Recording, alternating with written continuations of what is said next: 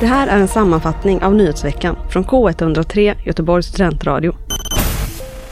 Antalet utbytesstudenter vid svenska lärosäten fortsätter att öka och är nu något högre jämfört med åren innan pandemin. Det visar ny officiell statistik från SCB. Även så kallade freemover-studenter som ordnat sina utlandsstudier själva var fler än läsåret 2021-22. Totalt studerade nästan 41 700 inresande studenter vid de svenska lärosätena år läsåret 22-23. Detta är en ökning med drygt 5% jämfört med läsåret innan. I likhet med tidigare år är det en större ökning bland kvinnliga än manliga studenter. Detsamma gäller andelen yngre inresande studenter som ökar mer än de äldre studenterna. Bland utbytesstudenterna var ökningen som störst från länder utanför EU-EES-området, vilket också var den grupp som påverkades mest under pandemin.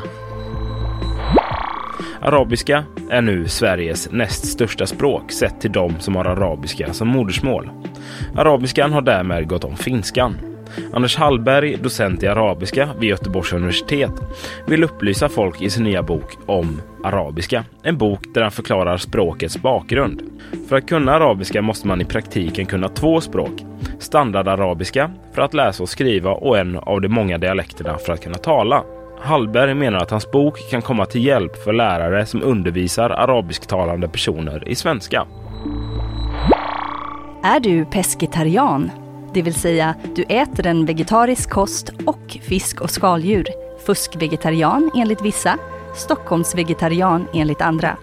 Hur som helst, alla fiskälskare kan komma att få odlad havskatt lite oftare på tallriken i framtiden, visar en ny avhandling av Ida Hedén, doktor på institutionen för biologi och miljövetenskap vid Göteborgs universitet.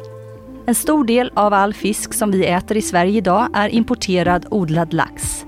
Att bara odla en fiskart gör matproduktionen sårbar, varför havskatt skulle kunna vara ett lämpligt alternativ, visar Ida Hidéns avhandling.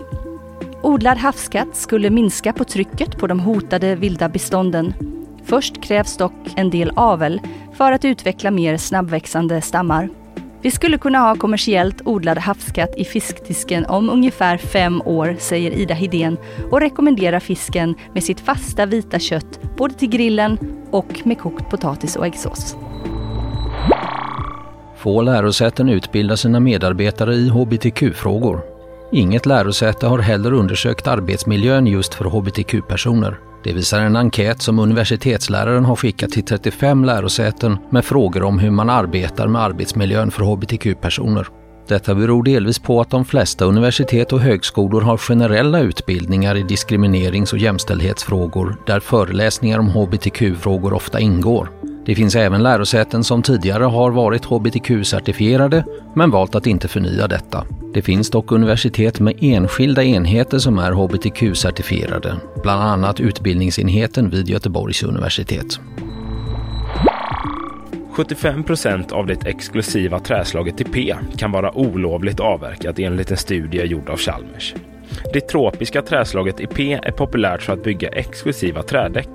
Inom den europeiska, amerikanska och kanadensiska marknaden har efterfrågan ökat kraftigt. För Brasilien, som idag står för 96 procent av all IP på marknaden, har detta lett till en ökad risk för illegal avverkning i Amazonas. IP inkluderades november 2022 i Sites lista över arter som är hotade av överexploatering på grund av internationell handel. Det finns dock en certifiering för hållbart producerat virke, FSC, som kan fungera som en vägledning för konsumenter som vill undvika att handla icke-hållbart eller illegalt avverkat virke. Allt färre svenska läkarstudenter väljer att utbilda sig utomlands. Detta visar statistik från SCB. Cirka 400 svenska läkarstudenter eller 20 procent valde i år att utbilda sig vid utländska universitet. Det är en minskning med 18 procent sedan 2007. Anledningen är troligtvis att antalet studieplatser har ökat med 600 under de senaste 20 åren. Vilka länder som har lockat flest svenska läkarstudenter har varierat över tid. Fram till 2005 var Danmark det populäraste landet att studera i. Därefter tog Polen över och i år är Lettland mest populärt. Efter sina utlandsstudier väljer de flesta att återvända till Sverige och av dessa arbetar 60 procent som läkare. Läkarprogrammet är fortfarande ett av de svåraste att bli antagen till i Sverige. Tipsa oss om nyheter på info k103.se